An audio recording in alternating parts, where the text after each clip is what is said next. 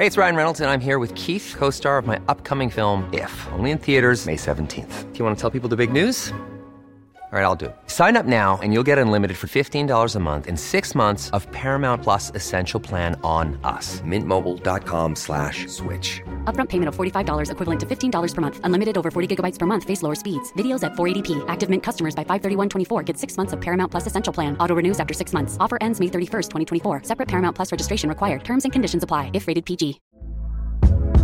Hey there, it's Michelle Norris. I'm host of a podcast called Your Mama's Kitchen. When I travel, I'm usually looking for a way to find a taste of home when I'm not at home. And one of the things I love to do when I am at home is entertain. And Airbnb allows me to do that. When I was in California recently, I rented a house that had a great kitchen. And when we were sitting around the table, we're all thinking, we're in someone else's house. Someone could be in all of our homes as well.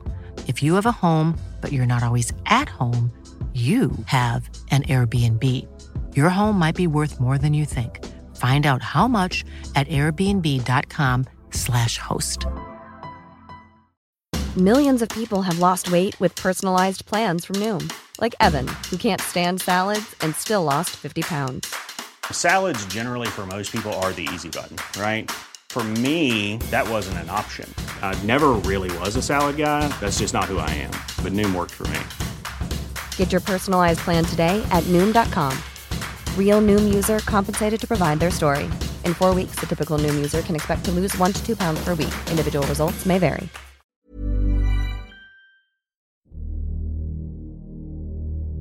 Den 28. oktober i 1943 dukket det amerikanske krigsskipet USS Eldridge plutselig opp i Norfolk Naval Shipyard i Virginia i USA. I utgangspunktet ville ikke dette vært unormalt, bortsett fra det faktum at USS Eldridge på samme tid lå til kai i Philadelphia Naval Shipyard. Så fort skipet hadde dukket opp, forsvant det igjen, mens i Philadelphia kunne man observere at skipet dukket opp fra intet på samme sted som det forsvant. USS Eldridge var en del av det topphemmelige prosjektet som bare er kjent som Philadelphia-eksperimentet, og selv om historien om hva som skulle ha skjedd, hva som faktisk skjedde, og hva som absolutt ikke skjedde, er like sammensmeltet som mannskapet visstnok ble til skipet, er det fremdeles en god del ubesvarte spørsmål som bare har bidratt til å forsterke myten rundt eksperimentet.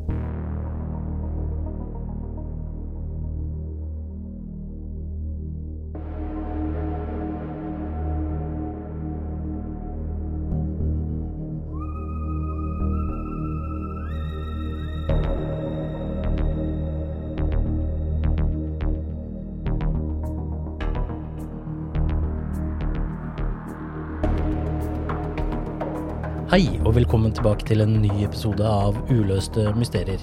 Jeg heter Morten, og denne gangen skal jeg fortelle dere om det som er kjent som Philadelphia-eksperimentet. Siden 1950-tallet har det gått rykter om et topphemmelig prosjekt som ble utført i 1943, hvor amerikanerne forsøkte å finne metoder for å gjøre skip usynlige fra radaren. I våre dager høres ikke dette så veldig spektakulært ut, da vi har både fly og skip som i praksis er usynlige på konvensjonelle radarer, men på 50-tallet var dette like science fiction som tidsreiser er for oss i dag. Nå har riktignok også denne historien eh, flyttet seg over i sci-fi-verden, noe jeg skal fortelle mer om, men det er antageligvis også et snev av sannhet i eksperimentet, som jeg også skal komme tilbake til. Sci-fi-versjonen er nok også årsaken til at eh, myten om eh, eksperimentet fikk raske ben å gå på, og snart var både ufoer og Hollywood involverte. Jeg må også gjøre dere oppmerksom på at det kan være noe motstridende opplysninger som dukker opp, forskjellige versjoner om hva som har skjedd, og diverse årstall og tidspunkter som kanskje kan virke rare, men historien i seg selv og versjonene av den er til tider forvirrende. Jeg skal uansett eh, prøve å gjøre det så sammenhengende og forståelig som jeg bare kan. Før jeg hopper i det, vil jeg takke Finn Nielsen og Kent Hoffmann som ønsket å høre om Philadelphia-eksperimentet.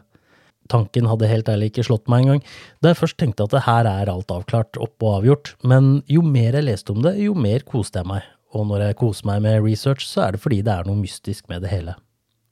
Men jeg hadde aldri trodd at dette temaet skulle ta meg dypt ned i et kaninhull som omhandler Einsteins teorier, så hold dere fast, for dette blir til tider merkelig. Så denne episoden er eh, først og fremst eh, dedikert til dere to, men jeg må selvsagt også takke samtlige av lytterne mine for både støtte og kjempeflotte tilbakemeldinger på episodene jeg har laget. Jeg setter enormt stor pris på det. Jeg vil også gjøre oppmerksom på at mot slutten av episoden så glir den kanskje litt ut fra det opprinnelige temaet, men personlig synes jeg debatten som foregår etter en viss kongresshøring for noen uker siden er spennende og interessant. Jeg har prøvd eh, så godt det lar seg gjøre å koble disse temaene sammen med en rød tråd, men det er et eh, stort steg fra et skip som visstnok skal til, ha teleportert til en havn, til ufoer som beskrevet av varslere fra myndighetene. Men håper dere synes det er like interessant og spennende som meg, og hvem vet, kanskje det kommer en egen episode som kun omhandler ufoer i nær fremtid. Og med det teleporterer vi oss tilbake i tid til 1955. En pakke hvor det kun står 'God påske' eh, dukker opp på kontorene til ONR, Office of Naval Research. I pakken ligger det en bok skrevet av Morris K. Jessup som heter The Case for the UFO Unidentified Flying Objects, noe som i seg selv virker noe merkelig for de to offiserene som undersøker pakken. Kaptein Sidney Sherby og kommandør George W. Hoover blir fort nysgjerrige da de oppdager at det er håndskrevne notater i margen gjennom hele boken, skrevet med tre forskjellige nyanser av blått blekk. Det ser tilsynelatende ut til at det er tre individer som diskuterer bokens innhold seg imellom, og de diskuterer Jessups hypoteser om hvordan de flyvende tallerkenene kunne fly, forskjellige raser av romvesener, og uttrykker bekymring over at Jessup var nær ved å oppdage topphemmelig utenomjordisk teknologi. De tre debutantene kalte hverandre for sigøynere, og mente det var to forskjellige raser av romvesener som levde i det ytre rom. Det var vage beskrivelser av et prosjekt som het Philadelphia-eksperimentet, som amerikanske myndigheter visstnok skulle ha utført. De skriver på en måte som tilsier at de mer eller mindre observerte jorden fra utsiden, altså fra et sted i det ytre rom. De peker også på at teknologien Jessup var i ferd med å oppdage, nemlig en enhetlig feltteori, altså en eh, kombinasjon av Einsteins relativitetsteori og elektromagnetisme. Her skal jeg innrømme at jeg er på veldig tynn is over et tilsvarende dypt vann, og hvis jeg bommer på noe her, så håper jeg dere kan tilgi meg. I så fall håper jeg også at noen vil eh, kommentere dette på Facebook eller Instagram. Jeg skal dog prøve å beskrive dette så lett som mulig, mest for min egen del. For å forstå dette så må man først forstå begrepet felt. Hvis man har en magnet i den ene hånden og en spiker i den andre, for så å ta disse nærmere hverandre, vil magnetfeltet påvirke spikeren. Dette er enkelt og greit en magnetisk tiltrekning av et metallobjekt. Hvis man nå tar en, enda en magnet og fører den mot den første magneten, vil de enten trekkes mot hverandre eller frastøte hverandre ut fra hvilken pol man mener mot dem. Sydpolen vil trekkes mot Nordpolen, men frastøte seg en annen sydpol. Men uavhengig om magnetene tiltrekker eller frastøter hverandre, vil man kunne føle en slags kraft mellom dem, et slags felt hvor magnetene enten begynner å trekke mot hverandre eller frastøte hverandre. Jeg husker jeg gjorde dette mye som barn, og var egentlig fascinert over at magnetene nærmest hadde en slags sfære rundt seg, som dersom man prøvde å føre to like poler mot hverandre. Og dette, det er dette feltet forskere tar med seg inn i denne teorien. Så til gravitasjon. Hvis man hopper opp i luften, kommer man til et visst punkt før man blir trukket ned på bakken igjen. Det er rett og slett jordas gravitasjonsfelt som arbeider mot eller for oss. Den internasjonale romstasjonen må for eksempel hele tiden ha en minimumsavstand fra jordens gravitasjonsfelt for å ikke bli trukket ned på landjorda. Forskere spekulerer også i om det er en slags underliggende, ukjent kraft som kan vise seg som eh, magnetisme og gravitasjon, i tillegg til en tredje kraft, en elektrisk kraft.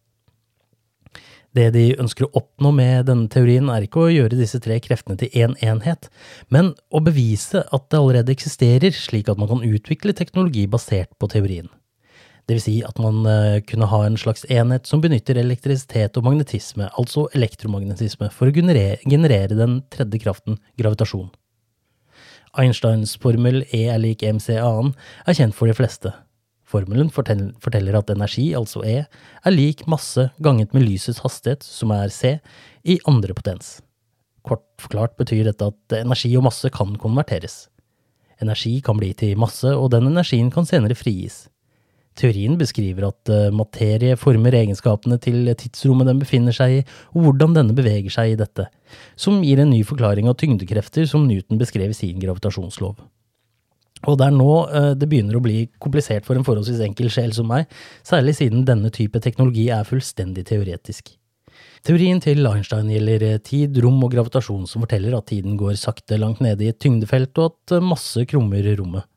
Og det er tid, rom og gravitasjon som er viktig å tenke på når man skal teorisere om hvordan ufoer kan fly uten en tilsynelatende kilde for fremdrift. Nede i dette kaninhullet av forskning jeg ikke forstår godt nok til å forklare med egne ord, fant jeg ut at det dreier seg om blant annet eksistensen av et høyredimensjonelt rom, altså en fjerde dimensjon, som ifølge Einstein er tiden, og en femte dimensjon, som er en slags mikrodimensjon som er altfor smått til å kunne observeres, men som fremdeles har en matematisk verdi i modeller av universet. Det er den femte dimensjonen som er bindeleddet mellom gravitasjon og elektromagnetisme, men som man ikke har noen mulighet for å måle. For ordens skyld er de tre andre observerbare dimensjonene lengde, bredde og høyde. Ifølge dokumenter fra 1979 jeg fant hos NASA, skrives det om at ufoer høyst sannsynlig bruker teknologi som kan bøye tid og rom, noe som forklarer hvorfor de kan dukke opp og forsvinne i løse luften. Dokumentene viser også at ufoenes fremdrift må involvere en form for elektromagnetisme, da observasjoner fra øyevitner beskriver brannskader på både mennesker og natur, dehydrering, at bilmotorer stopper, TV og radio blir forstyrret, og at bakken nærmest smelter, og at det oppleves effekter av statisk elektrisitet. I tillegg var det målt ufoer som kunne holde eh, hastigheter på drøyt 35 000 km i timen, noe som tyder på at de måtte kunne generere en form for kunstig gravitasjonsfelt, eller utnytte tid og rom på en måte vi fremdeles ikke forstår. Da det betyr å utnytte den fjerde dimensjonen ved hjelp av den femte dimensjonen. Eller noe i den duren. Jeg må også understreke at NASA påpekte at de ikke var involvert i ufo-forskning, og at dokumentet var et resultat av uavhengig forskning, men de fant det interessant nok til å arkivere. Det er flere teorier rundt dette temaet, og jeg har lyst til å fortelle om det som kalles frastøtende energi. Ved bruk av Einsteins relativitetsteori tillates frastøtende gravitasjon. Men eh, med det så kan man vise at hvis universet er fylt av en energi man ikke kan måle hastigheten i forhold til, så vil dette forårsake frastøtende gravitasjon. Hva slags energi dette er, vet vi ikke, da vi ikke kan måle den. Eh, og denne energien den sender ikke ut noe stråling. Eh, den øker universets ekspansjonsfart. Den er mørk og kalles derfor universets mørke energi.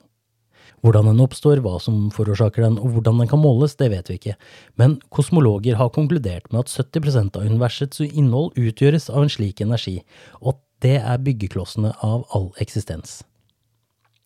Kan det da være at ufoer har klart å tøyle denne type energi og bruker den som en slags fremdrift i form av elektromagnetisme og kunstig gravitasjonsfelt, eventuelt en måte å skape antigravitasjon?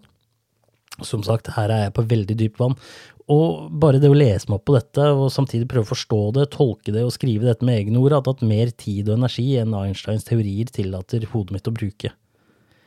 Det skal også nevnes at Einstein faktisk arbeidet for de amerikanske myndighetene på dette tidspunktet i utvikling av undervannsvåpen for eh, marinen, men dette var visstnok kun et skalkeskjul for å skjule hans egentlige arbeid, som omhandlet hans teorier om det å tøyle tid og rom.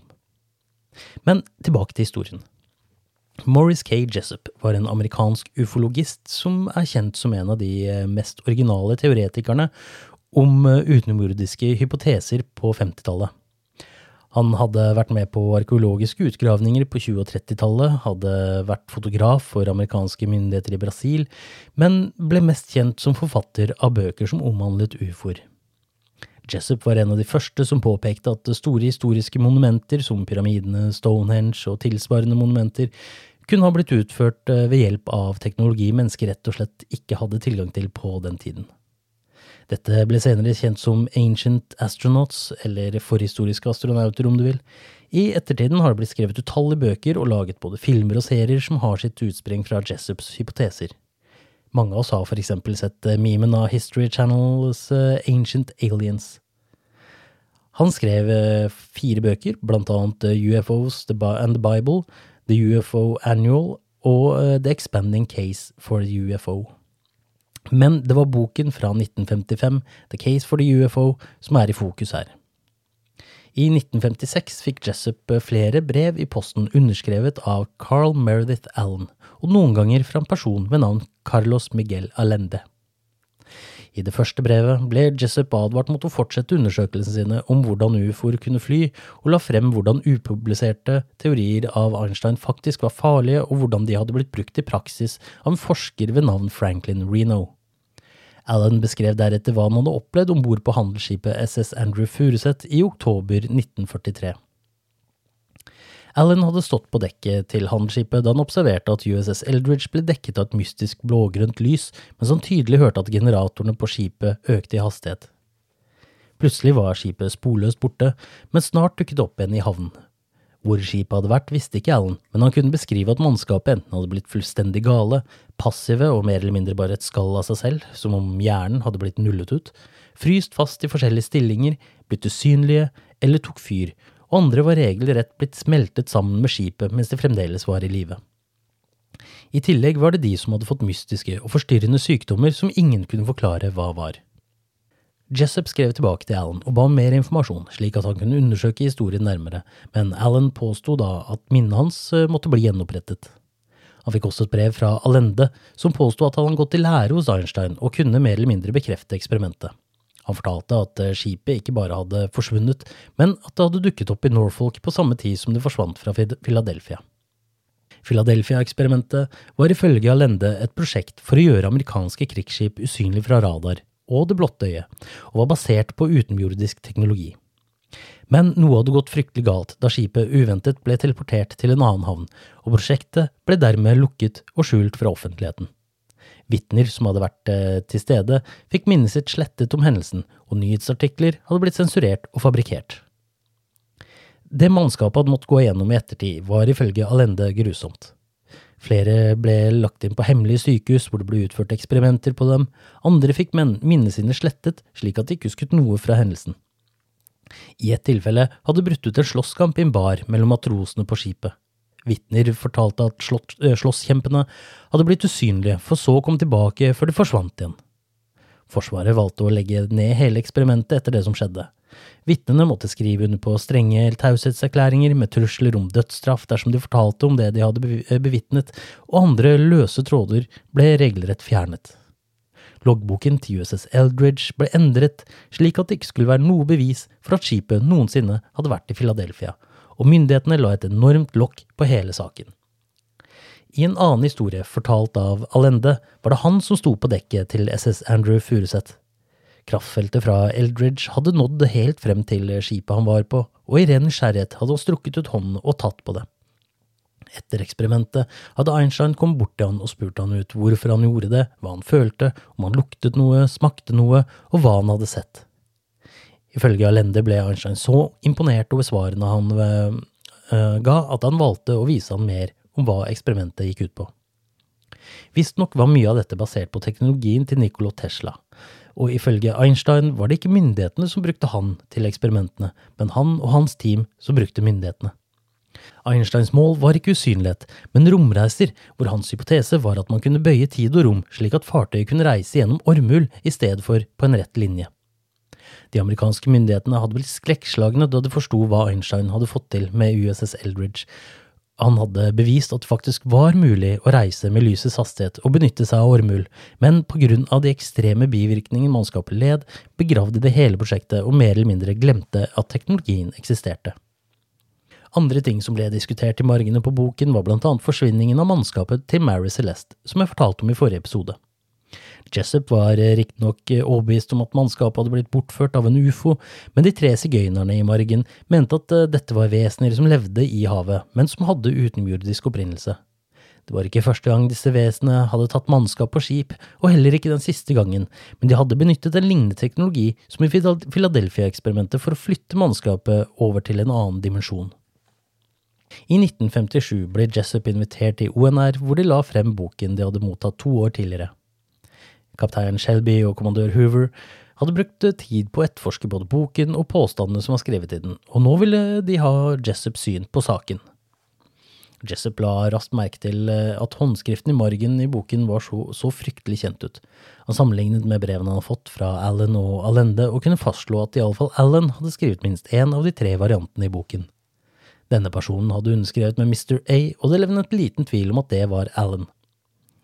De to andre var, var, han usikker på, Mr. B og en som bare ble kalt for Jamie, kjente han ikke igjen. Han ble så fortalt at innholdet i det som var skrevet i boken ikke hadde noe med virkeligheten å gjøre, og at disse to offiserene fra marinen hadde undersøkt dette grundig og ikke funnet noe bevis for at dette var sant. Man skulle tro at Jessup ville slå seg til ro med dette, men brevene fra Lende kombinert med skribleriene i boken gnagde, og han fortsatte å etterforske saken på egen hånd. Kommandør Hoover tok med seg boken og brevene til Austin N. Stanton, som var sjefen for Varo Manufacturing Corporation, som i sin tur jobbet for ONR. Stanton ble så til de grader interessert i denne historien at han produserte uh, mimograferte kopier av boken med skribleriene i margen, sammen med brevene fra Alan og Allende. Totalt ble det laget 127 kopier av samlingen som kalles Varo-utgaven, og dette førte til at historien om Philadelphia-eksperimentet fikk et helt nytt liv. Det er ut fra denne utgaven av Jessups bok eh, Teorier om usynlighetsprosjektet ble et nytt fenomen i form av bøker, dokumentarer og filmer. Morris Jessup sine siste bøker floppet, mer eller mindre. Foreleggerne hans eh, avviste plutselig flere av manusene hans, og i 1958 forlot kona hans.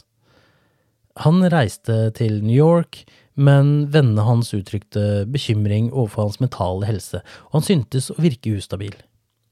Jessup reiste tilbake til Florida, hvor han havnet i en alvorlig bilulykke, hvorpå han brukte lang tid på å komme seg, noe som bare økte motløsheten hans. Men han sluttet aldri å etterforske Philadelphia-eksperimentet, og den 19. april 1959 kontaktet han en kollega ved navn dr. Manson Valentine. Jessup fortalte han at han hadde eh, funnet et gjennombrudd i etterforskningen av Philadelphia-eksperimentet, og ville gjerne dele det han hadde funnet.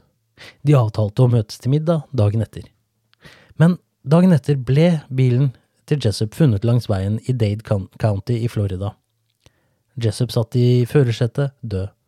Han hadde puttet en slange fra eksospotten og inn i vinduet på bilen, startet motoren og omkommet av den giftige eksosen. Dette ble fastslått å være selvmord, og vennene hans kunne bekrefte at Jessup hadde vært svært deprimert og åpent diskutert at selvmord var den eneste utveien. Nå må jeg understreke at det kun er Valentine som kunne bekrefte dette møtet. Dr. Manson Valentine er en person som har forsket på Atlantis og baserer uh, seg stort sett på pseudovitenskap, noe som betyr at han baserer teoriene sine stort sett på ting som ikke kan følges opp eller vitenskapelig bevises. Hvorvidt han faktisk hadde en avtale med Jessup den dagen, om Jessup faktisk hadde fått et gjennombrudd i etterforskningen sin, det er det ingen som kan bekrefte. Eller avkrefte, for den saks skyld. Uansett fikk historien om Philadelphia-eksperimentet enda mer bensin på det allerede voksne bollet som inneholdt konspirasjonsteorier, ufoer og hemmelig teknologi. Men hvem var egentlig Carl Allen, mannen som hadde sendt brevene til Jessup? Carl Allen ble født 31. Eh, mai 1925 i Springdale, Pennsylvania, og hadde fire yngre søsken. Familien hans eh, fortalte at han utmerket seg på skolen og hadde et fantastisk sinn, og var høyt intelligent, men som ikke klarte å holde på en jobb særlig lenge. Det kunne virke som han kjedet seg fort og utførte ofte spøker og det man kan kalle rampestreker mot andre. Dette førte til at han mistet jobben eh, fort, og noen ganger mot sin vilje, andre ganger med viten og vilje. I 1942 vervet han, uh, vervet han seg til US Marine Corps, men ble dimittert under ett år senere. Rett etterpå vervet han seg til handelsflåten, og tjenestegjorde på, US, eh, på SS Andrew Furuseth og deretter flere andre skip frem til 1952. Tre år senere sendte han altså boken til ONR før han sendte sitt første brev til Jessup. Han skrev også flere, flere andre brev til andre kjente personer, som for eksempel Werner von Braun, men da under andres pseudonymer enn de han brukte overfor Jessup. Reportere, etterforskere og forfattere prøvde gjentatte ganger å få Allen i tale etter VR-utgaven av Jessups bok ble offentlig kjent. Men Allen svarte enten unnvikende, eller så fant de han rett og slett ikke. De prøvde også å få tak i Allende, men Allende eksisterte jo ikke i virkeligheten, og det tok lang tid før de fant ut at Allen var Allende. I 1969 innrømmet visstnok Allen at alt var en spøk, at det var han som hadde skrevet samtalene i margen til boken, og at han gjorde det for å skremme livskiten ut av Jessup. Hvorfor, sa han ikke, men det ble kjent at Allen var Allende. En reporter dro hjem til familien til Allen og fikk overlevert flere bøker og brev, og ifølge reporteren hadde alle bøker lignende kommentarer i margene. De fant ut at han hadde som vane å kjøpe bøker, skrev sine egne notater og bemerkninger i margene, for så å sende bøkene til noen som, kanskje, som han kanskje trodde ville være interessert i det han hadde å si. Det kan hende at han ikke regnet med at det skulle ta av så til de grader da han sendte boken til ONR og brevene til Jessup, men han valgte å bli med på den seilasen det skulle vise seg å bli rett og slett for oppmerksomhetens skyld. Carl Allen innrømmet så sagt at det hele var en bløff, men denne innrømmelsen har han trukket tilbake innrømmet på nytt og trukket tilbake igjen flere ganger. Det er de som tror at Alan gjorde dette fordi han følte seg forsmådd, da alle som publiserte noe om Philadelphia-eksperimentet basert på vareutgaven, tjente penger på dette, utenom Alan. Det er riktignok sant at han tjenestegjorde på SS Andrew Furuset i tidsrommet han beskriver, og da det ble forsøkt å finne skipslogger, så sto det at uh, skipsloggen til skipet var destruert ved utøvende kommando. Disse loggene ble riktignok funnet igjen i 1976 og bekreftet som sagt at Allen tjenestegjorde på skipet. Men var selve skipet i Philadelphia eller Norfolk på tidspunktet USS Eldridge påståelig teleporterte? Hendelsen skulle ha funnet sted den 28. oktober, da Allen sto på dekk og observerte det hele. Problemet er bare at Andrew Furuseth forlot Norfolk den 25. oktober med konvoien UGS-22 og ankom Oran i Algerie den 12. november. Skipet ble i Middelhavet frem til 17. januar 1944, og en løytnant ved navn William S. Dodge, som tjenestegjorde på samme skip samtidig som Allen, kunne kategorisk avvise at Eldridge og Andrew Furuseth var i Nor Norfolk eller Philadelphia på samme tidspunkt. Man kan nå fastslå at Allen var en spøkefugl som dro en bløff altfor langt. Jessups venner har i senere tid fortalt han at det var først etter at Allen sendte disse brevene, at det sakte, men sikkert begynte å rable for han og at dersom han aldri hadde mottatt disse brevene, ville han neppe hans mentale helse ha blitt såpass skrall og ødelagt at han til slutt valgte å ta sitt eget liv. Men var det noe i historien om USS Eldridge og myten om usynlighetsteknologi? Utrolig nok så er svaret ja. Jeg har fortalt om Einsteins teorier, men slapp av, jeg skal ikke prøve å gjenta det en gang til. Men US Navy ble ifølge historien fortalt uh, av forskere at uh, teorien som um, omhandlet å kombinere elektromagnetisme og gravitasjon kunne bidra til en teknologi som, ved hjelp av store elektriske generatorer som kunne bøye lys rundt et objekt ved hjelp av refraksjon. Et eksempel er regnbuen, når solstrålen bøyes i regndråpene. Et annet eksempel er hvis du for eksempel putter en penn i et glass med vann, da vil det se ut som pennen er bøyd eller delt. Eh, det amerikanske forsvaret likte denne ideen og sponsa prosjektet. Og det er visstnok det som skulle ha vært eh, generatorene som eh, forårsaket at USS Eldridge forsvant i 1943. Riktignok var dette et helt annet prosjekt, men her har historien mer eller mindre flettet seg inn i hverandre. En annen historie handler om at det amerikanske forsvaret tok kontakt med en tryllekunstner ved navn Joseph Dunninger, som, i et forsøk på å få publisitet, hadde uttalt at han kunne få et krigsskip til å bli usynlig. Han kalte inn til en pressekonferanse på et hotell og unnskyldte seg fort med at eh, de kunne ikke få plass til det krigsskip på hotellet, så i stedet skulle han få et bilde av et skip til å forsvinne, noe han også klarte. Forsvaret var desperate i å finne muligheter til å gjøre skipene sine usynlige, og tok kontakt med tryllekunstneren. Han måtte innrømme at han ikke hadde noen mulighet til å gjøre et faktisk krigsskip usynlig på noen måte, men han fortalte at han hadde noen teknikker som militæret kanskje kunne bruke. Hva som ble sagt, er fremdeles hemmeligstemplet, og Dunninger tok med seg innholdet av samtalen i graven. Men USA var ikke det eneste landet som forsket på å gjøre skip mindre synlig for fienden. I Canada testet de ut eh, kamuflasje ved hjelp av diffus belysning. Det gikk ut på at de prosjekterte lys på siden av skipet, slik at skipets skrog skulle gå i ett med bakgrunnen.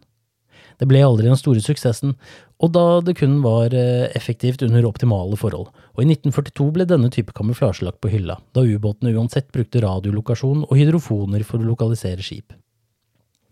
I 2010 ble det derimot utviklet et type materiale som fungerer eh, på mer eller mindre samme måte. Hvis dere husker usynlighetskappen fra Harry Potter, så ligner dette materialet veldig på det. Selskapet Hyperstealth klarte å utvikle en måte å bøye lyset på, slik at eksempel en vegg er det som synes på fremsiden, mens objektet som er gjemt bak er skjult fra forsiden. Dette er offentlig kjent teknologi og har åpenbare fordeler for militæret. En annen teori som ble fremsatt i forbindelse med Philadelphia-eksperimentet, var at teknologien ble gitt til USA av en SS-offiser ved navn Hans Kamler. Kamler var mannen som effektiviserte holocaust ved å utvikle kraftigere og mer effektive forbrenningsovner i konsentrasjonsleirene. Han var også med på å utvikle V2-raketten, samt det som ble kjent som Emergency Fighter Program, som skulle utvikle tyske jagerfly for å stanse de alliertes bombinger av Det tredje riket. Hans Kamler var eh, ansvarlig for massedrap på arbeidere og krigsfanger, byggingen av gasskamre, krematoriet og nye konsentrasjonsleirer, men hvordan han døde forblir et lite mysterium. Noen øyevitner mener han begikk selvmord med cyanid, slik mange SS-offiserer gjorde mot slutten av krigen, da nederlaget var et faktum. Noen mener han ble skutt da han og 21 andre SS-soldater forsvarte en bunker i Tsjekkia. Men det er også opplysninger som tyder på at Kamler ble en del av operasjonen Paperclip, hvor forskere og offiserer i all hemmelighet ble fraktet til USA for å arbeide for amerikanerne. Mer om den operasjonen kan dere høre i episoden om Kai Holst for øvrig. Men i 2001 ble det fremstilt en påstand om at Kamler verken døde eller ble fanget, men at han teleporterte gjennom tid og rom fra 1945 i Nazi-Tyskland til et sted i USA i 1948. Ifølge den polske forfatteren Igor Witkowski hadde nazistene fått tak i en styrtet ufo under krigen, og ved hjelp av teknologien de utviklet fra denne, klarte de å lage en klokkeformet tidsmaskin som skulle bli en del av det tyske luftforsvaret. Det skulle bli et slags fly som kunne fly ved hjelp av antigravitasjon, teleportere dit det ønsket, også når det ønsket, og var både glødende og roterende. Forfatteren påsto at han hadde funnet beviser for dette i eh, dokumenter fra andre verdenskrig, men hvorvidt det ligger noe sannhet i dette, virker å være usannsynlig. Det stemmer nok at han fant dokumenter som omhandlet hemmelige luftvåpenprogrammer, da nazistene hadde flere av disse, og mange av disse var mildt sagt eksperimentelle og ble aldri enten laget eller kom seg aldri opp fra bakken. Men det var neppe eksperimentell teknologi, teknologisk hjelp fra utenomjordiske eller tidsreisende tyskere som var det som faktisk hendte og ga sitt opphav til Philadelphia-eksperimentet. For det første var ikke, ifølge de offisielle loggene, USS Eldridge i Philadelphia på dette tidspunktet. De var i Bahamas, hvor skipet ble testet siden nettopp var ferdigbygget. Loggene kan selvsagt ha blitt forfalsket dersom eh, skipet deltok i et topphemmelig eksperiment, men det kan også hende at vitner har tatt feil av USS Eldridge og USS Engstrøm. USS Engstrøm lå nemlig til eh, havnen i Philadelphia, hvor de skulle prøve å avmagnetisere skipet, slik at det ble usynlig for sjøminer og torpedoer. Sjøminer og en del torpedotyper var nemlig magnetiske på denne tiden, og denne type avmagnetisering ble brukt av flere mariner. Skipet hadde riktignok hemmeligstemplet utstyr om bord, men dette var nok ikke usynlighetskapper, teleporteringsutstyr eller teknologi laget av romvesener. Metoden de brukte, gikk ut på å lage et kraftig elektromagnetisk felt om bord på skipet, slik at skroget ble avmagnetisert. Og den samme teknologien brukes den dag i dag. Den ble oppfunnet av canadieren Charles F. Goodyew i den canadiske marinen, og flere av de allierte landene brukte denne teknologien på skipene sine. Da britene bygde skipene sine, lagde de like gjerne slike avmagnetiseringssystemer på de øvre dekkene med en gang. Dette hjelper riktignok ingen verdens ting på radarer eller for det blotte øyet, men det kan bidra til at sjøminer og torpedoer ikke treffer skipet. Det kan tenkes at uh, Allen ikke observerte denne hendelsen selv, men fikk den fortalt i ettertid. I tillegg kan, også, kan også skipet ha forlatt Philadelphia, dukket opp i Norfolk og kommet tilbake til Philadelphia uten at noen langs kysten så dette, men det var heller ikke på grunn av teleportering eller ved hjelp av å bøye tid og rom. Mindre krigsskip som en destroyer brukte gjerne kanalene mellom byene fremfor å seile langs kysten, da tyske ubåter på den tiden angrep amerikanske skip. Handelsskipene var derimot for store til å benytte seg av disse kanalene, og matrosen om bord visste kanskje ikke engang om muligheten. Det grønne lyset eller tåken som omga skipet, kan ha vært flere ting. Det kan ha vært avgasser som gjorde mannskapet syke, eller det kan ha vært eh, noe som kalles Sankt Elms-ild, som i bunn og grunn er en elektrisk utladning som forekommer eh, når den elektriske feltstyrken er høy nok. Lyset fra dette fenomenet er grønt og forekommer ofte til sjøs, eh, på mastetopper og metallgjenstander i riggen. I brevene Jessup mottok fra Lende, eller Allen om du vil, beskrev han som nevnt tidligere en eh, slåsskamp på en bar hvor han observerte at eh, en eller flere av mannskapet fra USS Eldridge drakk seg fulle, begynte å slåss og forsvant i løsluften. I en uh, annen historie fortalte han om et annet mannskapsmedlem som i fylla på en bar hadde begynt å fortelle om Philadelphia-eksperimentet. Umiddelbart etterpå ble mannen ført bort og aldri sett igjen. Dette, disse to historiene også, har også litt rot i virkeligheten. En veteran som tjenestegjorde på Engstrøm, fortalte om en hendelse på en bar hvor det brøt ut en slåsskamp.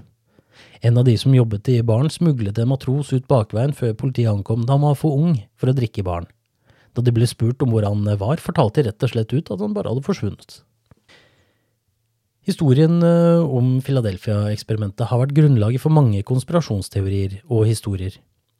En teori som dukket opp etter Jessups død, var at han var tatt av dage fordi han eh, hadde funnet ut for mye om hemmeligstemplet teknologi, og at Alan fortalte sannheten og var en slags varsler som ble svertet i ettertiden ved å bli fremstilt som en bløffmaker. Alan selv døde i 1994, men lenge før det hadde historien begynt å utelate mannen som hadde konstruert hele historien. Hvorvidt eksperimenter eksperimentet skjedde, og om det var topphemmelig teknologi anskaffet av utenomjordiske fartøy, er igjen blitt et eh, aktuelt spørsmål.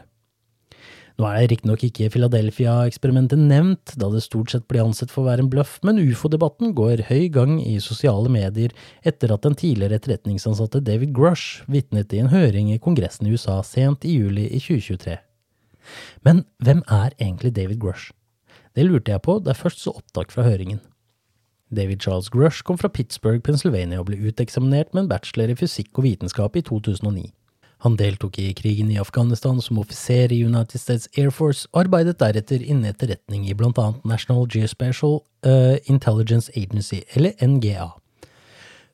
Fra 2019 til 2021 var representanten for eh, National Reconnaissance Office, NRO, som er en uh, etterretningsgren i det amerikanske forsvaret, og har ansvaret for annet rekognoseringssatellitter, og arbeidet tett med Unidentified Aerial Phenomena Task Force, også kjent som All Domain Anomaly Resolution Office, eller ARO.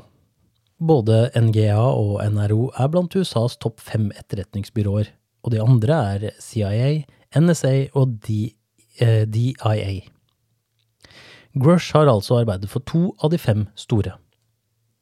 ARO er den grenen av det amerikanske forsvaret som etterforsker ufoer og andre fenomener som blir observert i luften, på sjøen, på land og i verdensrommet. Det var Aro som offentliggjorde videoene av ufoer som Pentagon til slutt eh, bekreftet var ekte.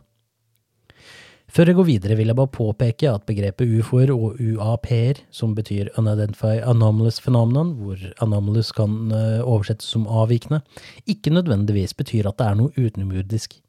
Det kan rett og slett være ukjent og ny teknologi laget av andre statsmakter her på jorden som myndigheter ønsker å identifisere for å avklare hvorvidt det utgjør en reell trussel mot sikkerheten. Men Grush har også vært med på å skrive en lov som øker forsvarsbudsjettet innen visse grener, med hovedvekt på forsvar, men som også gir et økt budsjett i forhold til rapportering av ufo-observasjoner, inkludert vern for varslere og unntak for taushetspliktige ordre og kontrakter. I tillegg har loven åpnet for at militæret må åpne for undersøkelser av alle ufo-observasjoner helt tilbake til 1945. Kongressen fattet interesse for ufo-observasjoner eh, etter at Luftforsvaret skjøt ned fire objekter over amerikansk jord i 2023. Mange husker nok den kinesiske ballongen som ble skutt ned over eh, Sør-Carolina, som skapte en forholdsvis amper geopolitisk stemning på toppen av den russiske aggresjonen i Ukraina. Men de tre andre objektene som ble skutt ned over Alaska, Yukon og Lake Huron, var mindre. Eh, general Glenn D. Van Herk ble spurt eh, om disse objektene kunne ha utenomjordisk opprinnelse, og han svarte at han personlig ikke ønsket å utelukke det, men henviste videre til etterretningseksperter. Hva var disse tre objektene som ble skutt ned? Foreløpig er det ikke kjent hva det var. Det kan ha vært sivile ballonger, selv om det spekuleres i om eh, dette var droner av et ukjent opphav. Det som er sikkert, er at disse tre objektene ikke lignet på den kinesiske ballongen. Selv etter omstendig søk etter delene fra disse objektene har man ikke klart funnet noe, og ingen sivile eller militære har innrømmet noe eierskap eller kjennskap til det. Den 5. juni, halvannen måned før kongresshøringen, ble Grush intervjuet av journalistene Leslie Keane og Ralph Blumenthal. I dette intervjuet påstår Grush at eksistensen av ufoer og utenmurdisk teknologi er blitt dekket over av sterke krefter innen myndighetene. Både i intervjuet og eh, kongresshøringen påstår Grush at de amerikanske myndighetene opprettholder et topphemmelig program som skal erverve ufoer som har landet, krasjet eller blitt skutt ned på jorden. De samme innen myndighetene er også i besittelse av flere farkoster av utenomjordisk opprinnelse, i tillegg til det Grush kaller biologisk ikke-menneskelig materie fra pilotene av farkostene. Disse farkostene har blitt forsket på siden 1930-tallet, og i forsøk på å dekonstruere disse for å analysere og forske på teknologien, har visstnok flere mennesker blitt skadet av forskjellig grad, og også blitt drept for å holde dette programmet hemmelig. Grush ville selvsagt ikke gi noen detaljer rundt dette utenom i et såkalt SKIF-møte, hvor topphemmelig informasjon kan deles uten at utenforstående får mulighet til å lytte til samtalene. Grush sine påstander har blitt støttet av flere andre varslere i høytstående stillinger i det amerikanske forsvaret.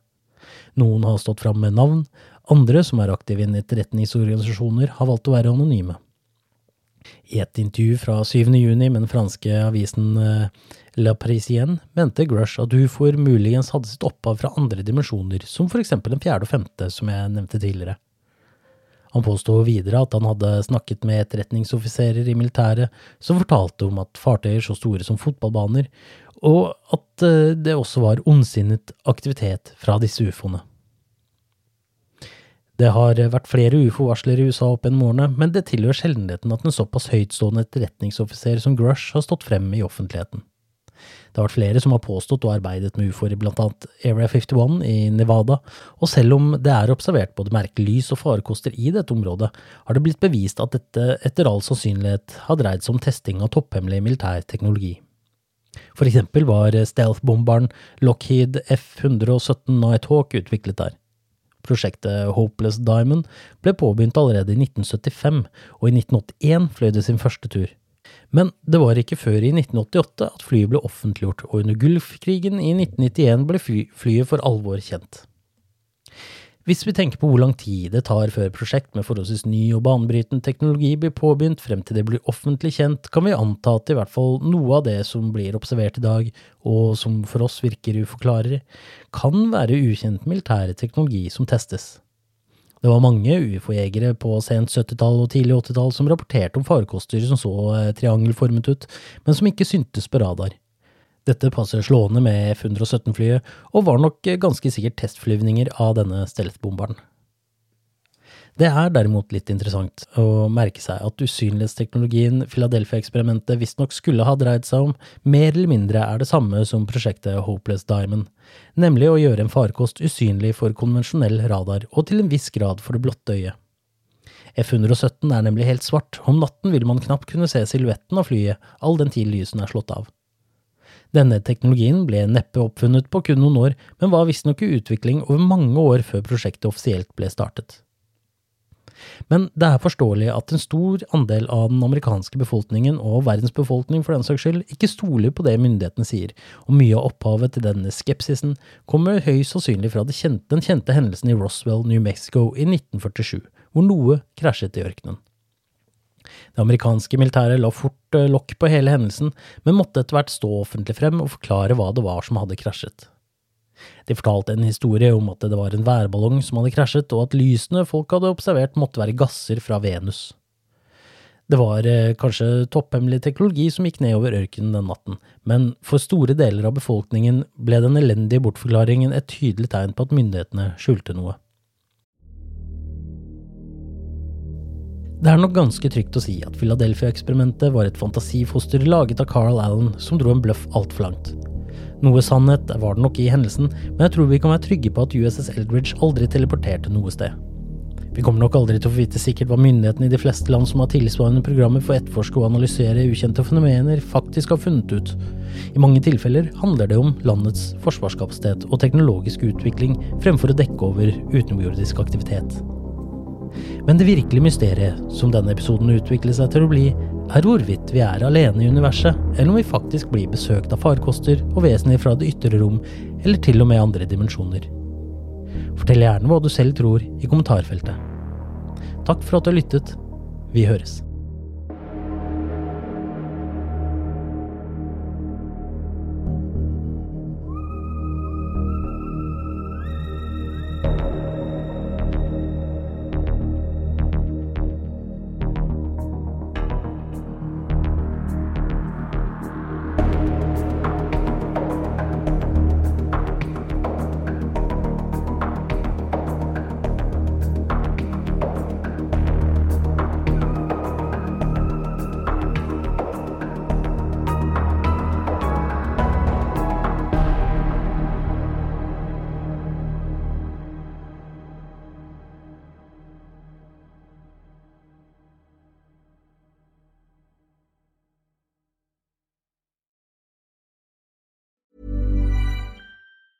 Planning for your next trip? Elevate your travel style with Quince. Quince has all the jet setting essentials you'll want for your next getaway, like European linen, premium luggage options, buttery soft Italian leather bags, and so much more. And is all priced at 50 to 80% less than similar brands. Plus, Quince only works with factories that use safe and ethical manufacturing practices. Pack your bags with high-quality essentials you'll be wearing for vacations to come with Quince. Go to quince.com/pack for free shipping and 365-day returns.